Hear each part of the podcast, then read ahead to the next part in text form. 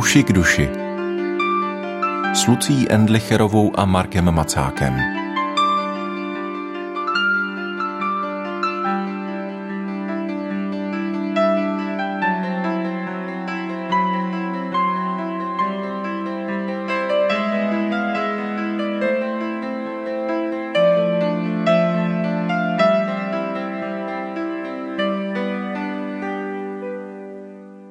Dalších 15 minut programu bude teď patřit pořadu Uši k duši. U poslechu vás vítá Lucie Endlicherová, spolu se mnou je jako tradičně ve studiu psycholog Marek Macák. Marku, vítej, ahoj. Ahoj.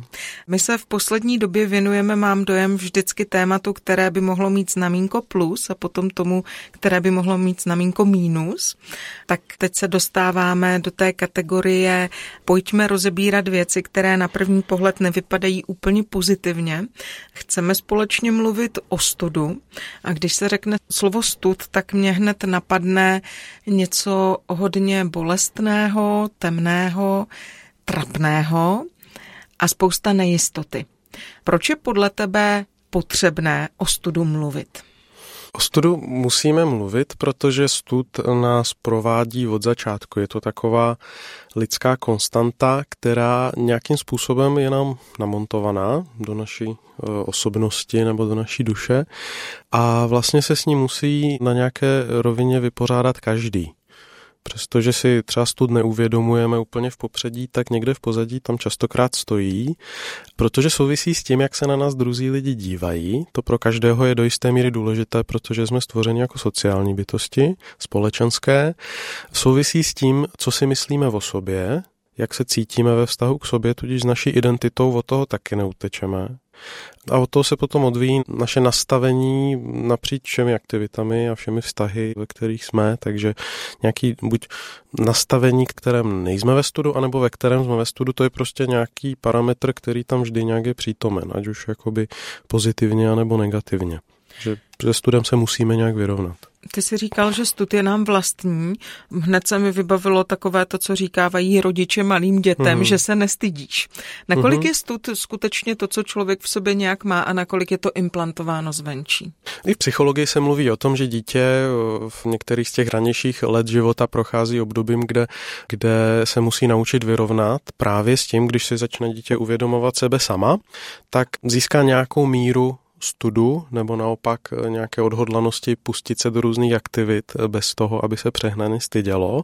A to je o nějakém vyvážení potom, ale s tímhle musí se vyrovnat každý. Je pravděpodobný, že i dítě, které by nedostávalo moc konkrétních reakcí od rodičů, tak mu to bude běžet nějak hlavou, už s tím, že si o sobě začíná něco myslet a začíná vědět, že ti druzí si o něm taky něco myslí. Takže pokud je to dítě zdravé psychicky, tak tohle téma nějak se tam objeví a buď se vyřeší teda dobře, a bude mít to, to sebevnímání citlivé dost na to, aby se stydělo, když je, za co se stydět a zároveň, aby se nestydělo přehnaně nebo aby se nestydělo na špatných místech nebo ve špatných situacích, respektive nevhodných situacích, kdy není za co se stydět. A tam ta rodina už do toho hodně vstupuje, jak mu tohle pomůže nastavit. Mluvíš o tom, že je potřeba naučit se se studem zacházet, takže ve chvíli, kdy člověk dospívá, tak by měl dospívat eh, taky jeho způsob práce s jeho vlastním studem? Když to propěhne dobře, tak potom stud nebývá tak dominantní téma v životě. Někdy se vynoří, když udělám něco, co je opravdu hodně mimo mísu, anebo když se vyrovnávám s nějakým aspektem své identity, který eh, může být náročný ve vztahu k druhým lidem a k tomu, co si druzí můžou myslet, tak tam se to vynoří najednou jako téma. Často v pubertě to tak jakoby znovu ožije, ale nebývá tak v popředí otázka studu. Potom lidi, kteří se stydí hodně často, u kterých je to reakce na celou širokou škálu různých situací a, a emocí a jednání, tak tam potom ten stud je nějak jakoby divně napojený až na moc věcí a, a musí se to řešit, ale je to velmi individuální. Nakolik souvisí stud se svědomím?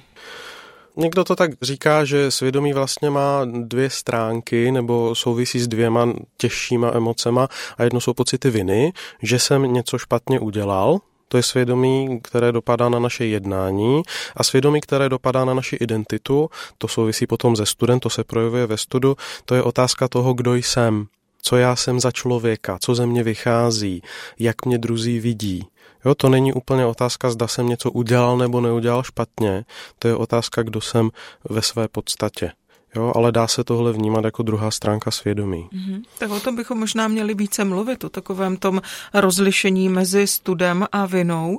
Můžeš ještě jednou, prosím tě, probrat ty škatulky, abychom si v tom udělali pořádek, co je tedy charakteristické pro stud a co pro vinu? Tak jeden ze způsobů, jak se na to dívat, je, že vina souvisí s morálkou, s tím, zda jednám správně, zda jsem tohle nebo tamhle to udělal tak, jak to má být. Takže souvisí s jednáním. A stud souvisí s tím, kdo jsem. Zda odpovídám modelu, zda odpovídám vzoru, zda jsem takový, jaký mám být ve své identitě.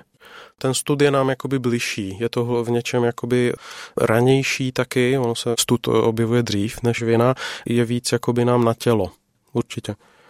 Když budeme zkoumat, co říká o studu a o vině Bible, můžeme si i v tomhle udělat nějakým způsobem pořádek. No už na začátku vidíme určitou propojenost těchto dvou stránek, když v zahradě Eva pojí z ovoce s Adamem, překročí právě limit toho, co se má nebo nemá, to je otázka jednání. A druhá stránka toho samého je nějakých pocit ze sebe, oni se pak začnou stydět. Oni si pak začnou víc v nezávislosti na Bohu uvědomovat sebe sama a v tom odtržení najednou vidí sebe sama ze studem. Začnou mít tendenci se schovávat, takže tam vidíme, že tyhle dvě věci jdou ruku v ruce. My potom v církvi někdy děláme trochu škody tím, že příliš přeceníme jenom jednu stránku, že se hodně vysadíme na otázku viny. Je to jeden ze způsobů, jak číst písmo a jedno z témat, které se tam tak jako vyne, ale téma studu a téma protikladu studu, což je nějaká sláva nebo čest, tak je tam úplně stejně silné a to, to proto v naší kultuře nemáme úplně vytvořen smysl. Je pravda, že rozdíl mezi tou ctí a studem a když mluvíme o vině, tak odpuštěním je přece jenom jakoby srozumitelný, ale zorientovat se v tom i pro praktický život je někdy hodně náročné. Určitě, to je takový tandem, jo. Pán Bůh nám dává v Kristu odpuštění, ale druhou stránkou toho neoddělitelnou je, že nás v Kristu přijímá. Odpuštění je boží reakce na naši provinělost, přijetí nás jako v naší identitě, v tom, kdo jsme, tak je boží reakcí na stud, který se vynořuje v našem životě. A to, co nám Pán Bůh dává, tak je na jedné straně ve vztahu k provinilosti nevinnost, dává nám čistotu a ve vztahu ke studu tak nám dává slávu, tak nám dává čest. Máme podíl na jeho slávě. Když otevíráme i ty pozitivní stránky studu a viny, čest a odpuštění, tak bychom možná mohli mluvit také o tom, jestli existují nějaké zdroje zdravého nebo nezdravého studu, jestli existuje nějaký zdravý a nezdravý stud. Můžeme si stud představit jako nějaký duševní nebo duchovní možná dokonce orgán, eh, kterým vnímáme sebe sama ve vztahu k druhým a nakonec ve vztahu k Bohu a k božímu řádu. V tomto smyslu nám schopnost stydět se pomáhá vnímat, zda jsme dobře nebo nejsme. Prostě jsou věci, za které je dobře se stydět. Jsou stavy, ve kterých, nebo stavy, můžeme být nositeli věcí, které jsou ostudné a v tom smyslu je dobře, že bolí. A ten způsob, jak bolí, tak je právě ten prožitek studu. Ale potom v životě, a na to narážíme víc než dost, máme tendenci se stydět za nejrůznější věci, které nejsou dobře vyhodnoceny přes ten stud. Já nevím, když mám, mám klienty, kteří se stydí už za to, že dýchají, jo. E, už za to, že vůbec se projeví, že jsou naživu, za to, že je někdo vůbec uvidí, jak vypadají, anebo za to, že by měli projevit svůj názor, anebo projevit nějakou emoci nebo slabost. Jo. To už potom jakoby přes různé životní zkušenosti tak si začneme ze studem spojovat kde co a velmi to pak komplikuje život, protože potom najednou tahle reakce, která v jádru vlastně může být životodárná, dobrá brzda ve vhodných situacích, tak nám nás začne brzdit tam, kde to vůbec není eh, na místě a kde je to škoda, protože si tím stojíme v cestě k tomu, abychom právě mohli plně žít, dokonce mohli žít tak plně, jak Pán Bůh to nám umožňuje, k čemu nás volá. Ty jsi říkal, že stud souvisí s tím, kdo jsme. Ještě jednou bych se ráda ptala uh-huh. na zdravý stud. Přijde uh-huh. mi, že dnes kolem sebe často slyšíme takové to buď kdo jsi, nestyď se za to, dělej to naplno. Kde jsou tedy ty hranice toho, kdy člověk opravdu by se měl stydět za to, kdo je v uvozovkách. Za to, k čemu se hlásí, nebo co dělá součástí své identity. Jo, vidíme už v, na začátku v Genesis, tak tam najednou lidi se styděli za sebe v tu chvíli, kdy jejich já, jejich existence přestala být součástí, oddělila se od boží existence. Oni se odtrhli od něj, tím svým jednáním a najednou začali vnímat sebe jako někoho, kdo se musí stydět za sebe. To je taková ta nejhlubší trhlina, kterou sobě každý má a kterou pán Bůh překonává, když nám dává znovu podíl na sobě, když se naše osobnost znovu začíná kořenit v něm. Jo. To je taková ta rovina hodně duchovní, řekněme, ale potom v podstatě kdykoliv překračujeme normy svého povolání, normy toho, kým bychom měli být nebo kým jsme, tak jak nás pán Bůh stvořil a k čemu nás povolal, tak v tu chvíli, když se jakoby najednou začne ozývat stud, tak to může být dobrá kontrolka, která nám dává najevo, že aha, tady jdu mimo, tady jdu za hranice něčeho, co pán Bůh pro mě má, nebo kde bych měl být. Utíkám mimo domov, na místo, na které nepatřím. Protože člověk cítí, cítí nepatřičně. Dalo by se tedy říci, že stud je jakousi bránkou k pocitu viny, že bez studu není možné zakusit i ten pocit viny? Je to úzce propojené, ale pořád bych jakoby to držel oddělené v tom, že vina je o tom, co, co dělám a studie trošku více o tom, kdo teda jsem. Ale ty dvě emoce nebo, nebo roviny jsou propojené, ale v naší kultuře si to velmi přirozeně spojujeme, protože pro nás vina je tak samozřejmá věc. My nejsme moc motivovaní studem v západní kultuře tomhle jsou kultury, kde to je? Ono se rozlišuje i v sociologii třeba nebo v jiných kulturních vědách na kultury studu a kultury viny nebo kultury cti a kultury hříchů nebo provinilosti. Na druhé straně třeba takové více společ- na společenství zaměřené kultury, jako je Japonsko, Čína, i biblická doba byla vlastně takovouhle kulturou. Tam šlo o to a jde o to, zda žiju tak, že dělám čest své rodině, své zemi, Bohu, jo, zda, zda dělám čest. Takže jak to vypadá na venek? Ano, jak to vypadá na venek? Ono, takové to zabývání se vnitřními motivy a introspekce, tak je poměrně nová záležitost, kterou jsme objevili v posledních pár staletích. Ještě v té biblické době bylo hodně důležité, co ukážu o tom, třeba kdo Bůh je, nebo kdo je moje rodina, tím, jak budu jednat. Nám to připadá jako povrchní věc, ale on je to vlastně hrozně důležité, protože naše motivy srdce tak se projevují na rovině jednání, projevují se na rovině toho, co reálně děláme.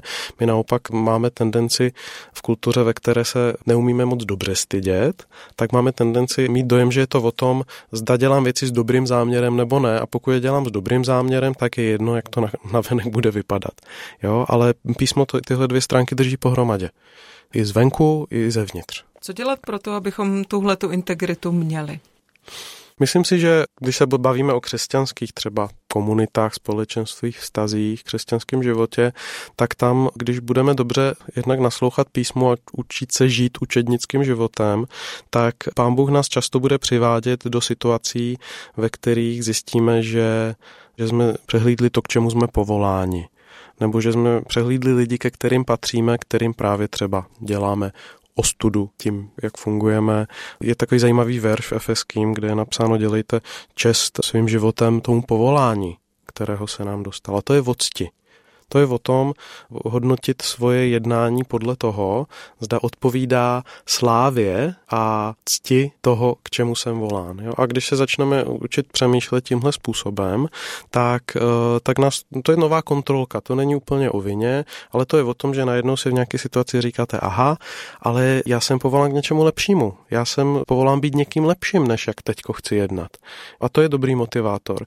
Jiný biblický zdroj v tomhle nacházím v tom obrazu obraze, který Pavel používá eh, v listě Židům, kde mluví, že žijeme před očima celého oblaku svědků, jo, kde prostě celý zástup lidí, a kteří už třeba jsou po smrti a jsou, svěd, jsou svědky našeho života, ale potom i spoustě lidí, kteří jsou naživu, kteří nás vidí a potom jsou andělé kolem nás a tak dále. To jsou všechno ti, kteří vidí, jak já žiju a oni vědí, k čemu jsem povolán, oni vědí, s jakým záměrem mě pán Bůh stvořil, mnoho z nich, a najednou jakoby se může takhle, když přijmu tuhle realitu, tak se začne jakoby oživovat takový jako zdravý stud, protože my jsme individualisti a příliš máme dojem, že to, co děláme, je moje věc. A když to nikdo nevidí, tak vlastně je to trošku jedno a tak dále. Písmo nám ukazuje, že vždy někdo vidí A my se neumíme už tolik stydět před hospodinem častokrát. Říkáme, on všecko odpustí, tak to bude nějak jako dobrý. Ale když nám dojde, že nás vidí spousta dalších, tak to je jiná věc. Takže myslím, že jakoby v církvi se učíme kromě jiného taky dobře stydět. A taky se umíme nestydět se zbytečně a nestydět se na těch místech, v těch chvílích a za ty věci, za které se není proč stydět. Tak teď necháme posluchače, aby mohli hledat eh, ten zdravý stud, eh, ať už ho potřebují spíše eh, přidat nebo uberat a o tomto tématu budeme mluvit v pořadu Uši k duši zase za týden. Díky Markovi Macákovi za jeho povídání. Děkuji, Marku. Ahoj. Loučí se i Lucie Endlichrová. Naslyšenou.